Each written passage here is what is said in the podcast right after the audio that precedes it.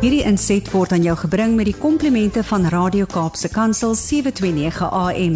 Besoek ons gerus by www.cape pulpit.co.za.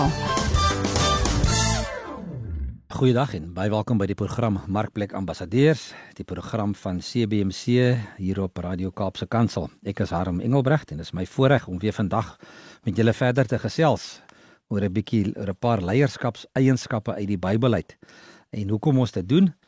Want as ons as sakepersone en sakemanne ehm um, sê ons wil Christus se ambassadeurs wees in ook in ons werksplek, dan is die vraag hoe moet ons optree en watter lesse kan ons leer uit die Bybel uit uh, rondom leierskap en hoe om op te tree wanneer jy in 'n posisie is uh, by jou besigheid of by jou bediening of in jou gesin. Ons het verlede week 'n bietjie begin gesels oor Joshua en uh, en wat daar met Joshua gebeur het en al die goeie dinge wat ons kon leer van hom uh, waarvan hoofstuk 1 tot 6 en die laaste wat ons oor gepraat het was daai oorwinning wat hulle gekry het uh, deur om die mure van Jerigo te te stap en toe die Here vir hulle ook daardie oorwinning gegee. Maar ons weet ook nou dat die volk uh, wat Joshua gelei het ook nie altyd so gehoorsaam en getrou was nie. En ehm um, En ons begin hoofstuk 7 lees van Joshua uh, en dan staan daar die Israeliete het troueloos gehandel met die banoffer wat aan die Here behoort het. Nou wat gebeur het hierso? Hulle het die stad ingeneem, maar hulle mag niks vir hulle self gevat het nie. Ehm um, daar's niks wat hulle wat hulle kon vat uit die stad uit vir vir hulle self en vir eie gebruik nie. Maar Akan, die seun van Karmi, seun van Sabdi, seun van Serag uit die Juda stam, het van die goed wat aan die Here gewy was gevat en daardeur die toren van die Here teen die Israeliete ontvlam. Joshua het van Jerigo af manne gestuur na Ai toe naby Bet Aven oos van Bethel en vir hulle gesê gaan verken die land. Die manne is toe weg dat Ai gaan verken. Toe hulle terugkom, dis hulle vir hom, dis nie nodig dat ons almal moet gaan nie. So 2 of 3000 manne kan gaan en vir Ai inneem. Ehm um, hulle hoef nie almal te gaan hulle te gaan moeg maak nie. Daar's min mense hy ons gaan hulle maklik kan klop. Maklik kan kan oorwin en kan wen en inneem. En daartoe om teen 3000 manne gegaan. Uh maar hulle moes op die einde op die vlug slaan vir die mense van Ai. En dit omtrent 36 van Joshua se manne doodgemaak. Die mense van Ai het van die stadspoort af op hulle hakke gebly tot by die klipskeure en hulle daarteen die afdraande doodgemaak. Die volk se moed is gebreek En Joshua het sy klere geskeur en tot die aand toe met sy gesig in die grond gelê voor die ark van die Here. Hy en die leiers van Israel, hulle het stof op hulle koppe gegooi. Toe sê Joshua: "Ag Here, waarom het U eintlik hierdie volk oor die Jordaan gebring om ons in die mag van die Amorite oor te gee? Dat hulle ons kan uitroei, het ons liewers aan die ander kant gebly. Here, wat moet ek nou sê nou dat Israel uh vir sy vyande moes vlug?" Ehm um, die Kanaaniete en al die inwoners van die land sal daarvan hoor en ons omsingel en alle gedagtenis aan ons uit die, uit die land uitroei. Wat sal u dan doen om die grootheid van die naam te verseker? Dit het alles gebeur omdat sy omdat die volk ongehoorsaam was. Op hierdie stadium met Joshua het nog nie geweet van dit nie. Toe sê die Here vir vir Joshua: "Hoekom lê jy met jou gesig in die grond? Israel het gesondig en my verbond wat ek hulle opgelê het verbreek. Hulle het van die goed wat aan my gewy is gevat, hulle het dit gesteel, hulle het gelieg wat van die goed wat uh, uh, by hulle sin gesit. Daarom kan die Israeliete nie teen hulle vyande staande bly nie. Hulle vlug vir hulle vyande omdat hulle nou self mense geword het wat vernietig moet word. Nou dit was nogals vir hom 'n bietjie van 'n slag om dit te hoor. Maar dinge dan so mooi en so goed geloop. Na hierdie oorwinning wat oor die Rigo plaasgevind het, het een van Israel se voetsoldate, luister mooi, een van hulle, né, het 'n opdrag oor oorlogsbyt verontagsaam. En Joshua het vir sy mense gesê: "Al die oorlogsbyt uit Jerigo moet beskou word as 'n banoffer, eiendom wat aan God gewy is en in sy skatkis hoort." Akan het die opdrag geïgnoreer en van die waardevolle goed gevat en in sy familie se tent gaan begrawe. Joshua was heeltemal onbewus van Akan se oortreding en stuur slegs 'n paar soldate uit toe. En die selfversekerde Israeliete het 'n behoorlike pak slag gekry. Joshua het onmiddellik besef iets is verkeerd. En hy het in gebed tot God genader vir antwoorde. En uiteindelik is Akan as die oortreder uitgewys. En die oordeel was was was erg, né? Akan se hele familie, al hulle vee, al hulle besittings moes vernietig word. Met die verskriklike daad het Joshua getoon dat hy God se opdragte sou volg en dat hy diegene wat struikelblokke vir God se plan is, sou uitskakel. Akan se verhaal wys vir ons die beginsels dat leiers soms na 'n um, 'n mylpaal prestasie verslap. Dit behels soms bitter moeilike besluite, maar die nodige stappe moet gedoen word om mense wat in die pad van God se seën en werk staan te verwyder. As 'n spanlid soos Akan die groep se kernwaardes aantas, kan die gevolglike kettingreaksie baie ander mense seermaak. Gelowige leiers moet so 'n moontlike kettingreaksie in die kiem smoor. Joshua is dalk kwaliek geneem deur van die volk om omdat hy dit gedoen het en en Akan so erg gestraf het. Maar wat het gebeur? Hy het net gedoen wat die Here vir hom gesê het om te doen. En en ehm um, hulle moes eenvoudig net aan aan die Here gehoorsaam wees. Ehm um, so wat wat verder wat ons hierso leer is dat ons as of leiers moenie kompromieë uh, aangaan ehm um, met mense nie. Ehm um, hierdie klein staatjie ai met sy klein naam het 'n enorme probleem vir Israel veroorsaak. Vir kinders wat uitgestuur is om hierdie stad te gaan bespied, het teruggekom met die oortuiging dat dit maklik sal wees om dit te oorwin. Ehm um, Joshua het gou ontdek dat sonde onder sy mense die nederlaag veroorsaak het wat hulle gelei het. En dat Akan natuurlik moes toe nou die die oorlogsbyt gaan vat het. Ehm um, Na sy aanvanklike verwarring het Joshua beslis teen Akan opgetree en hom in opdrag van God doodgemaak. Joshua wou nie en kon nie toelaat dat misplaaste toegeeflikheid sy mense se roeping verongeluk nie. Danksy hulle leiers se oortuigings en beginselvasheid het Israel in hulle volgende aanval uh, teen Ai hierdie stad uh, oorrompel. Net in hoofstuk 8 lees ons dat dat dat dat hulle toe weer Ai aangeval het en dat Ai toe nou oorrompel is. En so deur die die res van van Joshua lees ons ehm um, 'n paar dinge wat ons oor Joshua leer onder andere ook sy integriteit. Ehm um, en dat hy uiteindelik ook 'n fout gemaak het deur 'n kompromie by die Gibeoniete aan te gaan. En toe hulle vir hom sê maar hulle is mense wat eintlik daar naby daarvan ver af kom met Joshua met hulle mos hierdie verbond gesluit en wat ook toe nou weer 'n probleem vir hom opgelewer het. Ehm um, maar Joshua het nie 'n gebrek aan momentum gehad nie. Ehm um, hy het ehm um, van die begin van sy veldtogte af was daar verskeie struikelblokke in sy pad. En die situasie was nie aldag so mooi gewees nie. Israel het sopas hulle eerste leier in Moses verloor. Joshua moes in die voetspore van van hom loop en 'n en 'n geëerde leiersfiguur soos Moses volg. En na 40 jaar het die Israeliete nog nie hulle droom verwesenlik nie. Hulle is nog nie in die beloofde land nie en die volk kom te staan voor 'n rivier in 'n vloed. Ehm um, en talle stede. So so wat het Joshua gedoen? Wat sou jy as 'n leier ehm um, wat nou as jy 'n leier sonder momentum is? Maar die antwoord is ons kan by Joshua leer wat het hy gedoen? Hy het 'n paar dinge gedoen om hierdie situasies te te red vir die volk. Hy het beklemtoon dat om vorentoe beweeg eenvoudig bewys dat jy vir God gehoorsaam is. Hy het die mense herinner aan oorwinnings uit die verlede onder God se leiding. Hy het seker gemaak dat mense so gou as moontlik 'n paar trofeeë verower. En met ander woorde as daar 'n oorwinning was, ehm um, het hulle dit het hulle dit onthou en gevier. En hy het vir die volk altyd onderstreep en daarop gewys ehm um, dat jy op God se beloftes kan vertrou. Ook ehm um, hy was vir almal 'n voorbeeld van sy van sy man van sy moedigheid en hy het gedenkteken gedenktekens opgerig om as herinnering te dien dat God nog altyd getrou was.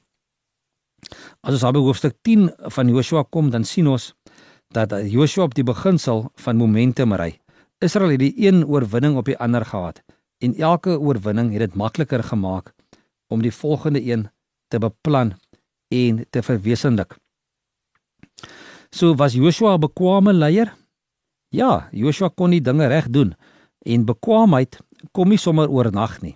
Selfs 'n groot leier soos Joshua moes jare lank geslyp word vir die taak wat wat hy moes verrig. Dit is 'n groot taak wat hy moes verrig om die volk in te lei in die in die beloofde land. Maar ehm um, die teen sy afsterwe uiteindelik ehm um, was was was was sy naam sinoniem met bekwaamheid. Hy was hy was hy was goed in wat hy gedoen het. God het Joshua oor twee geslagte gebruik. God het vir Joshua vertrou om die militêre veldtog in Kanaan uit die woestyn uit te lei. Hy het Joshua opgeroep om die beloofde land te gaan verken. Hy het Joshua toegelaat om saam met Moses teen die berg uit te klim. En toe dit tyd geword het om sy mense in Kanaan in te lei, het God vir Moses met Joshua vervang. So hoeveel tyd en inspanning het God nie belê om die jong leier te bekwam te maak vir sy taak nie. So God het heeltyd vir Joshua voorberei om sy werk te gaan doen uh waarvoor hy uiteindelik geroep is. Ons lees in Eksodus dat dat Joshua 'n soldaat was. Hy was 'n hy was 'n gebore soldaat. Sy eerste geleentheid om te lei was as 'n leeraanvoerder en God was toe al besig om sy mense voor te berei vir 'n veel groter posisie. Maar Joshua het as soldaat begin. Ehm um, Joshua was 'n woordvoerder. In in Eksodus 17 vers 4 lees ons Joshua het 'n profetiese boodskap van God oor sy lewenstaak ontvang. Dit wys hoe God in elkeen van ons se lewens werk. Eers kry jy mense persoonlike boodskap van God af en dan word jy die draer van sy woord ook aan ander mense. Joshua was ook 'n dienaar. In Eksodus 24 vers 13 staan dat Joshua het eers bekend gestaan as Moses se assistent. Voor die verowering van Kanaan het niemand hom dienaar van die Here genoem nie. Voordat hy enigiemand gevra het om hom te dien, het hy gewys dat hy gewillig is om te dien. Ons almal moet hierdie proses deurgaan uh, van assistent um, en om te dien en uiteindelik dan ook um, om deur uh, gedien te word. Maar hy was 'n betroubare kollega ook. Ek um, Moses het vir Joshua saam met hom geneem teen die Sinai toe hy God op Sinai berg gaan, gaan ontmoet het. Ehm um, toe Moses hom agtergelaat het, het Joshua dit ook so aanvaar. Hy het hy, hy het egter niks aanvaar van die ervaar van die heerlikheid, die wolk en die stem of die teenwoordigheid by daai besondere geleentheid nie. Tog het Joshua nie daaroor kwaad geraak of hardkoppig geraak nie. Hy het getrou gebly aan die saak waarvoor die Here hom geroep het. Um, Joshua was eintlik ook 'n vakleerling uh, van Moses. Hy het vir 40 jaar lank het hy saam met Moses geloop terwyl sy bekwaamheid ontwikkel het, terwyl hy vir Moses uh, uh, dopgehou het en uit Moses se leierskap um, geleer het deur deur waar te neem wat Moses doen.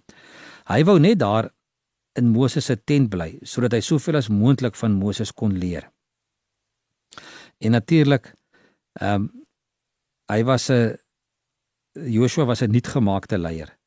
Moses het die naam Joshua gegee aan die jong man wat voorheen Hosea was, né? Daar in Numeri 13, dis sy naam was Hosea. Maar saam met sy nuwe naam Joshua is ook sy identiteit en karakter nuut gemaak. En Joshua het iemand geword wat gereed was om te delegeer, te organiseer en die Israeliete te lei. So Joshua is ehm um, al van uh van van die begintyd af is hy al basies voorberei vir die taak wat hy moes wat hy moes gaan doen het. Ons weet natuurlik ook verder dat Joshua baie geloofwaardig was. Mense kon op hom staat maak. Ehm um, en uh, dat hy iemand was wat wat uit en uit gedoen het wat die Here van hom verwag het. Ehm um, dan in dit is aan hoofstuk 14 as jy Joshua 14 wil gaan lees daarvan vers 6 tot 15 uh, kan jy bietjie van dit gaan gaan lees. En dan natuurlik wanneer wanneer een van die moeilikste take van 'n leier is is waarskynlik wanneer dit kom by besluitneming. Ehm um, hoe moet besluite geneem word? En ehm um, toe die tyd aanbreek ook vir Joshua om die land te verdeel, ehm um, was dit ook nie so maklik nie en hy het ehm um, hy het ook ehm um, maar gedoen wat God beloof het aan Abraham, né? Want toe die tyd aanbreek dat Joshua gereed gevoel het om die land te verdeel wat God jare gelede aan Abraham beloof het, het dit vir hom 'n deur voor 'n deurslaggewende toets te staan gebring as leier. Want hy het agtergekom hy sou die Israeliete moes aanspoor om hulle grond te beset. Want nou die Israeliete was nog bang ook geweest, nê, van hulle het getwyfel of hulle op die regte plek is. En toe sê hy vir hulle mos in Joshua 18 vers 3: "Hoe lank gaan julle nog talm voor julle die land in besit gaan neem wat die Here die God um, van julle voorvaders aan julle gegee het?" Joshua se moed het um, indruk gemaak op sy volksgenote en hulle herinner dat God hulle 'n Godgegewe roeping uh, op hulle gelê het om uit te voer. In Joshua se later jare het ehm um, het leierskap van die allergrootste belang geword. Hierdie hierdie beslisheid, hierdie om om dit besluit te neem en deur te voer. En ehm um, hy het dit gedoen in in hoofstuk as ons nou kyk af van hoofstuk 13 af hoe, hoe Joshua die besluite geneem. Hy het altyd eers gekyk wat is die wat is die prentjie? Hy het 'n evaluasie gedoen. Hy het geëvalueer hoe lyk die situasie. Hy het 'n duidelike prent voor oë gehou van die gebied wat hulle moes verower daar in hoofstuk 13 en 14. En dan hoofstuk 14 se tweede gedeelte lees ons dat Joshua het Caleb geseën en hom voorgehou as 'n voorbeeld van goeie ingesteldheid en vasberadenheid. So hy het eers die prentjie geëvalueer en toe het hy vir vir, vir Caleb gebruik as 'n persoon wat hulle kon navolg. Toe Joshua die die grense vasgelê en hy het dit aan elke stam ehm um, gekommunikeer presies waar sy area gaan wees en wat van hulle verwag word en hy het dit elkeen duidelik uiteengesit. Joshua het die volk aangespoor, hy het die Israeliete uitgedaag om die land wat God aan hulle beloof het in te neem. Hy het die uitspanne aangestel om 'n waardebepaling te doen van die oorblywende grond. Ehm um, en en dan wat moes kom terugrapporteer aan hom en dan Joshua het natuurlik nadat hy die verslag bestudeer het, besluit wie watter deel moet kry en sy beslissing soos hulle sê was finaal. Hy was baie beslis en en en en pertinent in sy uitspraak wie na nie wie watter deel moes kry.